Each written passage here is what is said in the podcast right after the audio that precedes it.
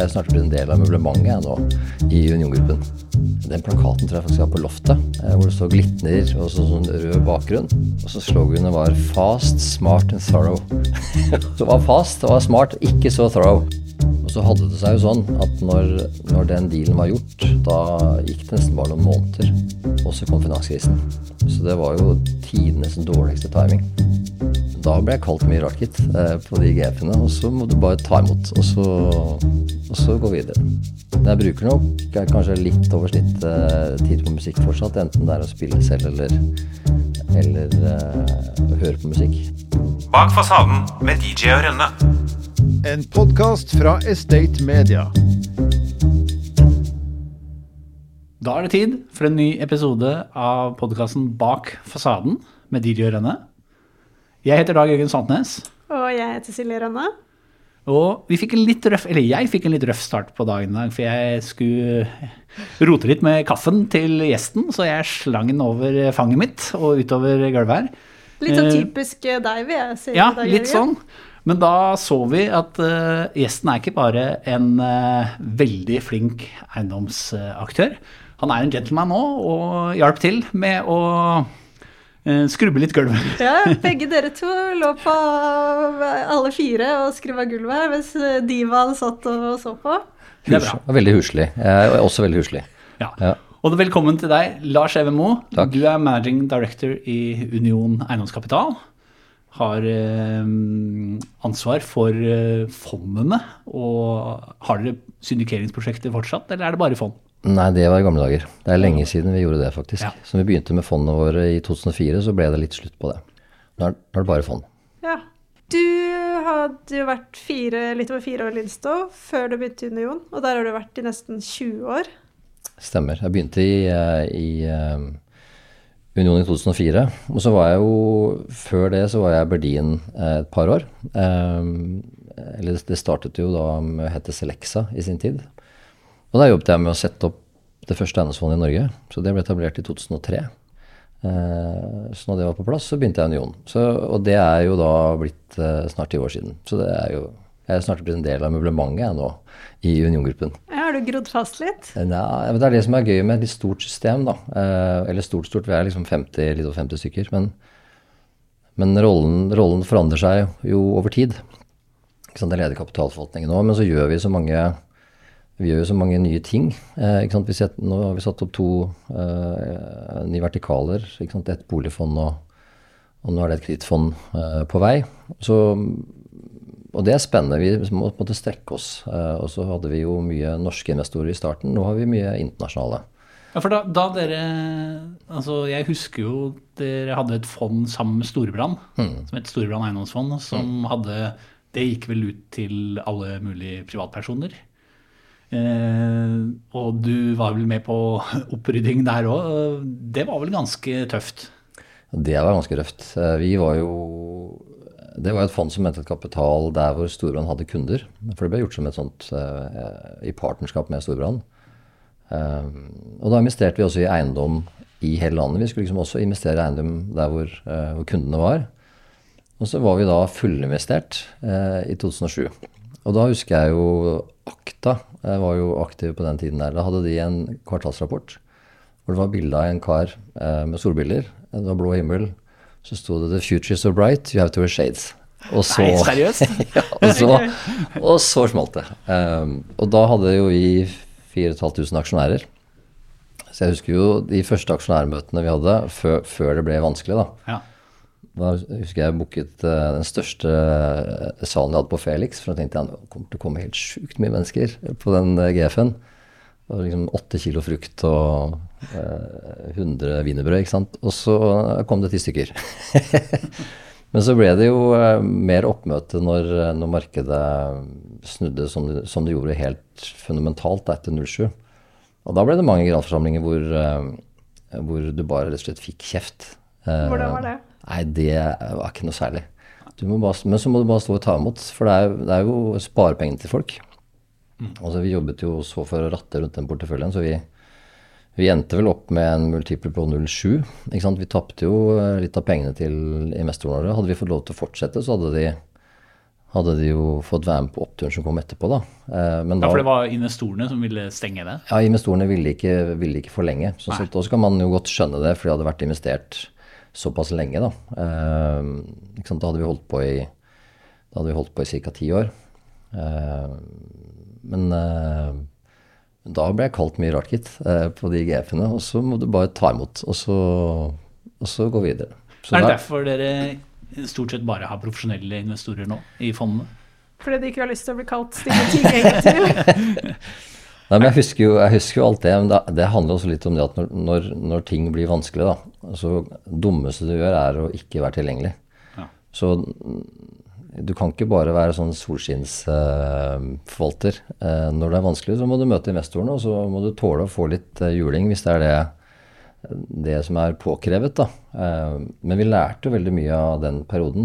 Vi, vi, hadde investert eh, i eiendom i hele landet. Det gjør vi ikke lenger. Ikke? Nå fokuserer vi på storbyene. Eh, på den tiden så var det helt andre honorarstrukturer som var vanlig. Litt mer sånn? Du spurte om syndikatmarkedet i stad. Litt, litt sånne type strukturer hvor man tok mer up front. Eh, det gjør vi ikke lenger. Ikke? Nå er nå er Union blitt mer som et, eh, et private equity-selskap, hvor, du- hvor du ikke tar noe eh, egentlig i starten. Eh, Et forvaltningshonorar som er som kost pluss for oss, og så er det en kicker. Så da sitter du mye mer i samme båt som investor. Går det bra, så blir det bra for oss. Hvis ikke det går bra for investor, så blir det ganske dårlig for oss også. Og det er, Sånn tror jeg mange av disse eh, fondsmandatene er blitt. da, At det ligner mer på, på, på private equity. Så det har vært en veldig utvikling i den bransjen i disse årene. Eh, fra vi startet eh, det fondet. Men må tåle å få litt juling. Det går fint. Men eh, hvor er det du bor? Jeg bor eh, ute i Oppegård, Oppegård. ja, provinsen eh, utenfor Oslo. Men kunne du tenkt deg å bo i en leilighet som boligfondet bygger? Jeg har bodd i sentrum før. Jeg bodde, bodde i Bygdøy allé en liten stund, men, men jeg kommer fra Hadeland, da. Det gjør det. Ja, ikke, sant? Så jeg er, ikke at jeg er bonde, ikke sant? Men, jeg, men jeg liker? Jeg liker skauen og? Jeg liker at det er kort vei til marka. Og, så at eh, eh, jeg blir litt sånn rastløs hvis jeg bare kan gå ut og ta på meg skia omtrent og så gå meg en tur, da. Så jeg har egentlig funnet ut at, eh, at jeg passer nok best litt utenfor sentrum. Har du et parkeringsanlegg som kunne funket bedre? Ta kontakt med OnePark. Vi leverer enkel og effektiv parkering, og du får fornøyde bilister og en mer lønnsom drift. Sjekk ut onepark.no. Vi gjør dine parkeringsplasser mer lønnsomme. Jeg har prøvd å grave frem litt informasjon om deg. Og det så ut som du ikke er på Facebook. Nei, jeg er ikke på Facebook, men jeg er på, jeg er på Insta, jeg. Ja, for det var, Ja. det, var det, det var det som var smutthullet. For på LinkedIn også så var du ikke så ivrig, men på Instagram der, og da tenkte jeg litt sånn Du, du kjører åpen profil, litt typisk for din generasjon. Ja. Så da kan man liksom gå inn og snoke litt i privatlivet. Ja.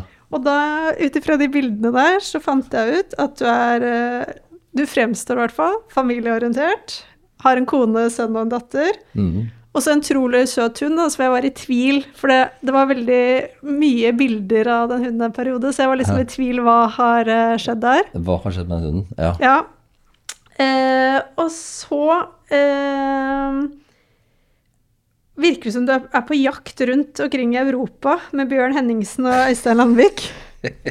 og da ble jeg litt nysgjerrig på de jaktturene. Da tenkte jeg sånn De vil jeg gjerne høre mer om. Og, og er det liksom en slags firmatur, eller? eh? Nei, vet du vi, vi, eh, vi er på jakt hele tida, vi i Union, ikke sant. Enten det er på eiendomssiden, eller det er rype, eller det er reinsdyr, eller De turene vi har hatt eh, til utlandet, det har vært Danmark.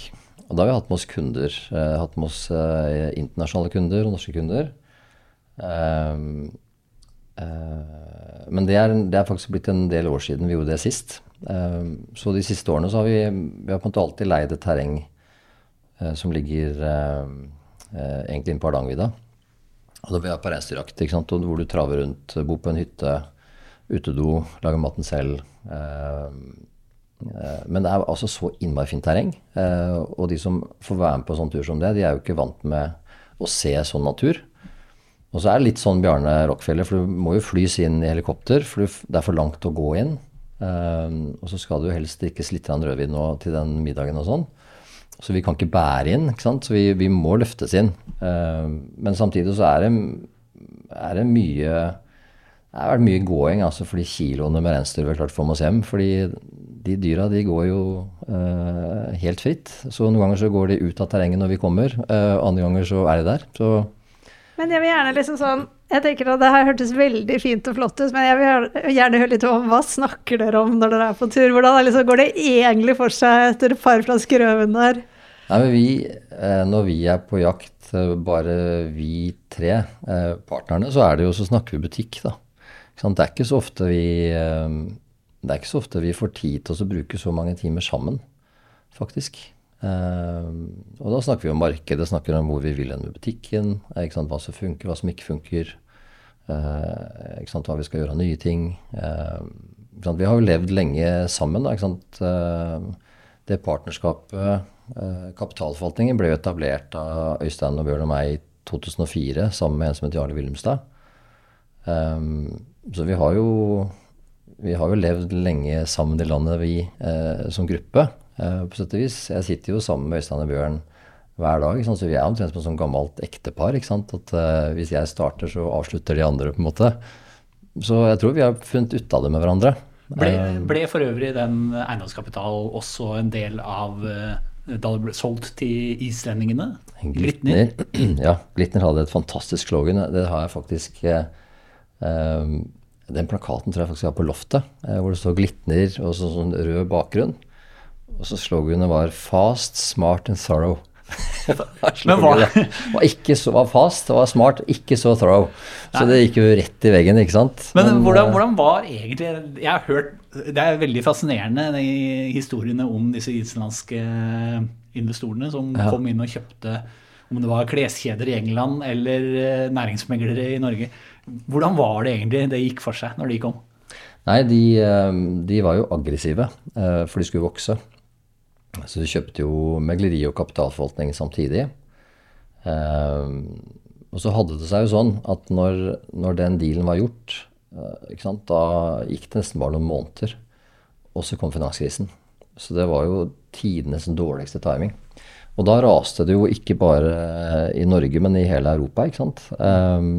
Og da begynte jo da begynte jo disse eh, islendingene å få skikkelig utfordringer med amerikanske investorer, tyske investorer. Eh, Det ble etablert et par sånne investeringskomiteer på Island, for da skulle man begynne å selge unna eh, assets. Og da klarte vi å kjøpe tilbake selskapet vårt. For en brøkdel av prisen dere solgte for For en brøkdel av prisen vi solgte for. Så det var vi superhappy med. Og så er de islendingene ganske harde. Ikke sant? Tenk deg på slutten av den epoken så, så ville jo eh, ville disse investorene ha, ha tilbake pengene sine. ikke sant? Eh, Island måtte akseptere at de hadde en gjeldsforpliktelse. Hadde det vært Hellas, hadde de sagt ja, det skal vi selvfølgelig akseptere. Islendingene var sånn nei, vi tror vi har en folkeavstemning, jeg. Og så hadde det, og så nei, jeg tror kanskje ikke vi er interessert i det. og så ble det masse bråk, og ingen skulle gjøre noe butikk med Island ever again. Men så har det snudd, da. Så de er, de er noen hardinger. Um, så det, var- skikkelig mørkt eh, på, på Island når dette, dette sto på. Så vi var jo Jeg var ikke med over, men det var flere av oss som var over flere ganger for å snakke med disse investeringskomiteene for å klare å løse, løse et kjøp. Ja. Um, så vi fikk det jo til. Så jeg er fornøyd med det. Morsomt. Hva, hva er den mest crazy jaktturen du har vært på? Bortsett fra å jakte på å få tilbake Union. Ja, det er nok Altså jakt og jakt. Jeg tror nok kanskje eh, det å har vært med på Det er kanskje mer shoot, da. Men det å være på fasanjakt tror jeg er noe av det drøyeste jeg har vært med på. Eh, men, men det er ikke Altså Hvis du er på rypejakt eller reinsdyrjakt, så, så går du i terrenget. ikke sant? Det er, du er sliten når du kommer hjem. Når du er på shoot, så, så posterer du, ikke sant? og så drives det. Men det er et sånn et maskineri eh, med, med hunder og, og drivere og, som, er, som er helt enormt. Og da blir man imponert over de som, som, eh, som har bikkjene som apporterer, f.eks. Husker I Danmark så var det en dame som hadde seks-syv bikkjer, som gikk rundt henne absolutt hele tiden. Og alle de kara som var der, som hadde én og to bikkjer, som løp og kjefta på bikkjene sine og brukte fløyte og hadde liksom ikke kontroll, og hun bare pekte de ut sånn venstre og høyre. Og hvis det var en gammel bikkje som ikke klarte å løfte den fasanen inn, ja, da sendte du ut en til, og så tok du den sammen tilbake. Så det, var, det er noen sånne opplevelser som er, er fantastiske. Så. Og da bor du bra, spiser bra, eh, har med deg eh, Da investerer vi jo veldig mye de kundene vi har med, da. Det har, vært, det har vært, skikkelig gøy. Men det er, så, det er, så, dyrt, så det gjør du ikke så ofte. da. Men det, det er det som kanskje er morsomst. Men uh, du overrasket i hvert fall uh, DJ eh, ved å spille flygel under et seminar sammen med IPD i en av salene på Nasjonalmuseet. Hva, liksom, hva, hva, er det du spiller? Nei, jeg har jo måtte jeg ha, Musikk har liksom vært en del av livet mitt alltid fra jeg var liten gutt. Alle i min familie spiller et eller annet. Uh, så jeg kommer jo sant, min, Mine besteforeldre er jo sånn bibelbeltegenerasjon. Og det er moren og faren min nå. Jeg har jo vært en del av det miljøet, jeg òg. Så jeg har jo spilt piano i gospelkor og sånn, så jeg har liksom vokst opp med det. um, spilt, uh, spilte gitar i et bluegrass-band. For de som vet hva bluegrass er, det er sånn skikkelig fjøsmusikk ikke sant, med mandolin og var på konsert på Sørlandet. Og så spilte jeg saks. Eh, jeg var liten, så jeg, hadde, var jeg i korps. Um, så da spilte jeg saksofon altsaks. Så da spilte jeg jo uh, altsaks i et, sånn jazzpopband som kona sang i, sammen med en annen. Um, så musikk har liksom alltid vært, vært, en del av livet, da. Men nå er det, nå er det mest piano uh, som jeg spiller. Og da, da, spiller jeg jo veldig mye Ikke så mye klassisk. Uh, men jeg liker Coldplay. Coldplay er jo på en måte pianopop sånn sett, da. Så, og det er koselig. Uh, jeg kommer hjem, og så kan jeg sitte og bare du kobler, Jeg er liksom i en annen verden når jeg setter meg ved det flygelet, nesten. Så. Men virka som du hadde komponert litt sånn Eh, en sånn struktur på det du skulle spille. Som, jeg, husker ikke om du spilte 'Times Are Changing', men det var litt sånn eh, Det passa til markedet før, og det passerer til markedet nå. Ja, det ble liksom en historie. Ja. Og det er liksom morsomt med, med musikk, da, syns jeg. Fordi musikk er, uh, musikk er jo følelser. Ikke sant? På godt og vondt. Uh, og du kan forsterke det du skal si ved å bruke musikk. Så var liksom det som var poenget. da, Prøve å sette det i en kontekst, og så spille noen sånne snutter da, som passet med det budskapet som skulle sies. Så det var morsomt. Aldri, jeg har jo aldri spilt eh, i Nasjonalgalleriet, så nå har jeg gjort det. ja, det var kult. Men burde du kanskje vært med i et, starta et sånn der eh, eiendomsband? Det er jo, ja. Du har jo type Emil Påske, og du har eh, Eh, han, Stian, eh, Stian Rommendal i. Seltor og flere. Så har vi jo et innmari bra navn. ikke sant? Vi har Union. Det er mange sånne rockeband som har et eller annet med Union. ikke sant? Ja. Så, Men har du drømt om å bli artist, eller liksom sånn Har musikken vært en retning du har tenkt på tidligere? Ja, det har jo egentlig det. Jeg gikk, når jeg gikk når jeg spilte til dette jazzbandet, så gikk jeg og spilte hos en som heter Sigurd Køhn, som som var saksonisten i Lava. Og, så, og så fada det litt ut med det ble mer jobb, på sett og vis. da. Men jeg tenkte jo på det på et tidspunkt om jeg bare skulle brekke av og så gjøre noe helt annet. Så, men jeg bruker nok kanskje litt over snittet tid på musikk fortsatt. Enten det er å spille selv eller, eller høre på musikk, sånn sett. da. Så, men jeg har, jeg har, vurdert det faktisk tidligere. Men uh, nå endte jeg opp her, da. Mm. Så Og så har jeg um, faktisk um, Så ikke jeg ble arrestert på det, jeg har tre barn. Du har tre barn, ja, 18, 20 og 22. Ja. Så de er jo blitt store, da. Ja. Så um, uh, ja, tida går. Er de også interessert i musikk? Ja, de er det. Alle spiller sånn sett, da. Så, og det er hyggelig. Uh, kommer ned om morgenen, og så er det en annen som sitter og spiller et eller annet. Da er det bare viktig å stå stille i gangen og ikke forstyrre, og så, og så nyte øyeblikket. Så det er koselig. Når yrkesstolthet er standard, blir høy trivselsfaktor på arbeidsplassen en selvfølge. I Bundegruppen vet vi at det er du og jeg som kan utgjøre forskjellen. Derfor er vi så opptatt av verdigrunnlaget vårt folk. Folkeskikk, orden, lagånd og kundefokus. Folk skaper verdier, og verdier skaper folk.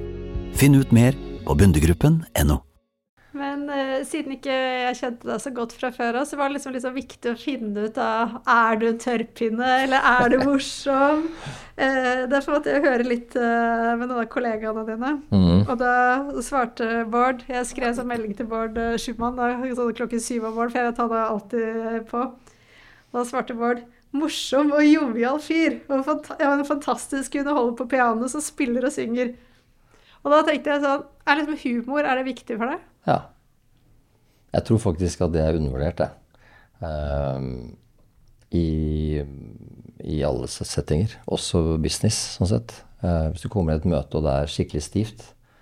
Så jeg tror det blir en bedre diskusjon, og du kommer lenger eh, hvis man klarer å få til en eller annen sånn eh, litt mer avslappende atmosfære. Da. Ehm, det, er, det vet jeg at det er flere som har, som har vært opptatt av tidligere. Og sånn men det tror jeg funker. Ja. Ehm, så er det ikke alle som syns at uh, vitsene mine er like morsomme, da. Men, uh, jeg har jo Ja, men det er jo morsomt i seg selv. ja, jeg, ikke sant. Jeg har tulla med Jeg har tulla mye med, med engelskmenn. Og, og det er sånn i starten, før du blir godt kjent med de, så skjønner de ikke helt det. Og da må si, da må forklare etterpå at nei, det, det, jeg mente faktisk ikke det. Det var bare tull. Så ja. Ironi går ikke hjem. Nei, ikke helt. Så um, Jeg regner med du ikke har prøvd på tyskere i uh, nei. en Expo Nei. Der må være enda mer forsiktig. Ja. Men ironi er faktisk også noe i eh, arabisk eh, Jeg bodde jo i Dubai en periode, og de også har ikke ironi. Eh, Så det for meg som elsker Du går, går på et par smeller da. Ja. ja, Kanskje man bare må bli, må bli kjent med det. ikke sant? Jeg skulle var Ja. på, var på fundraise i, i USA og fikk beskjed om at vet du, nå skal du møte det firmaet her. Der, de kommer til å spise dere levende. ikke sant? De er harde, de. Og så kjørte vi møtet, da, og så syntes vi ikke det var så tøft. Det gikk fint, og alt, vi syntes alt gikk greit. da. Eh, og Så snakket vi om det etterpå, og så sier han som var med oss fra, fra Placement Agenten at nei, det er eh, Nobody tells you that your baby is ugly. Så ah, sånn ja, akkurat. da. De venter til etterpå. Ja, Ja, sånn ja.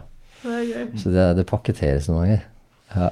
Men i 2015 så sto du på 181. plass av de 200 rikeste i Akershus. ja, det er ganske langt nede, da. Ja, men herregud, jeg tenker at ikke det Jeg tenker at det ja, Det er litt sånn at det virka uten at synes. Ikke sant? Det er ingen som? Nei, men Da var egentlig spørsmålet mitt er det digg å være rik. Jeg føler meg ikke så rik, da. Gjør du ikke? Nei, egentlig ikke. Ikke i Oppegård heller, at du liksom eh, Nei, ikke, nei, nei det, det kan du godt si at det å bo i Oppegård er um, Ikke sant. Hadde jeg bodd uh, oppe i Holmkollen, uh, Nesøya, uh, mer Oslo vest, da, så hadde nok det vært uh, mer fokus på helt indirekte, tror jeg. Ja. Oppegård er litt annerledes.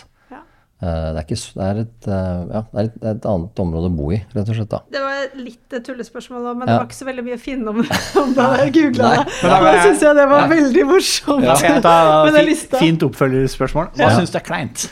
Ja. Nei, hva jeg syns er kleint Uh, jeg, det er ikke så Hvis jeg får for mye oppmerksomhet uh, Hvis jeg får for mye oppmerksomhet uh, plutselig, det kan være kleint. Okay. ok. Ja. Eh, men ellers er det ikke så veldig mye som jeg, som jeg syns er kleint, eh, som regel. Jeg klarer, å, klarer liksom å vri meg ut av det, på sett og vis. Men er du fotballinteressert? Ja. Hva er laget ditt, da? Nei, det er jo bare ett lag, selvfølgelig, som gjelder. Eh, og det er jo Liverpool, som eh, eh, Som er på en måte arbeiderklassens fotballag. Så der har du meg, på en måte. Er det derfor de andre lagene synger 'You'll Never Work Again'? Eh, Nei, det er, You Never Walk Alone. Jeg Er vet det, ja, men jeg vet at andre lag synger det når de møter Liverpool. ja, ja, ja. Nei, ikke sant. Du har, du har City ja, Det er det som faktisk er festlig, da. For at um, jeg tror nordmenn, eller veldig mange nordmenn, er, er glad i fotball. Ikke sant. Jeg tror det var pave Johannes Paul som sa det. Av alle viktige ting, så er fotball det viktigste. Ikke sant? Og Og for mange så er det, er det imma gøy, da.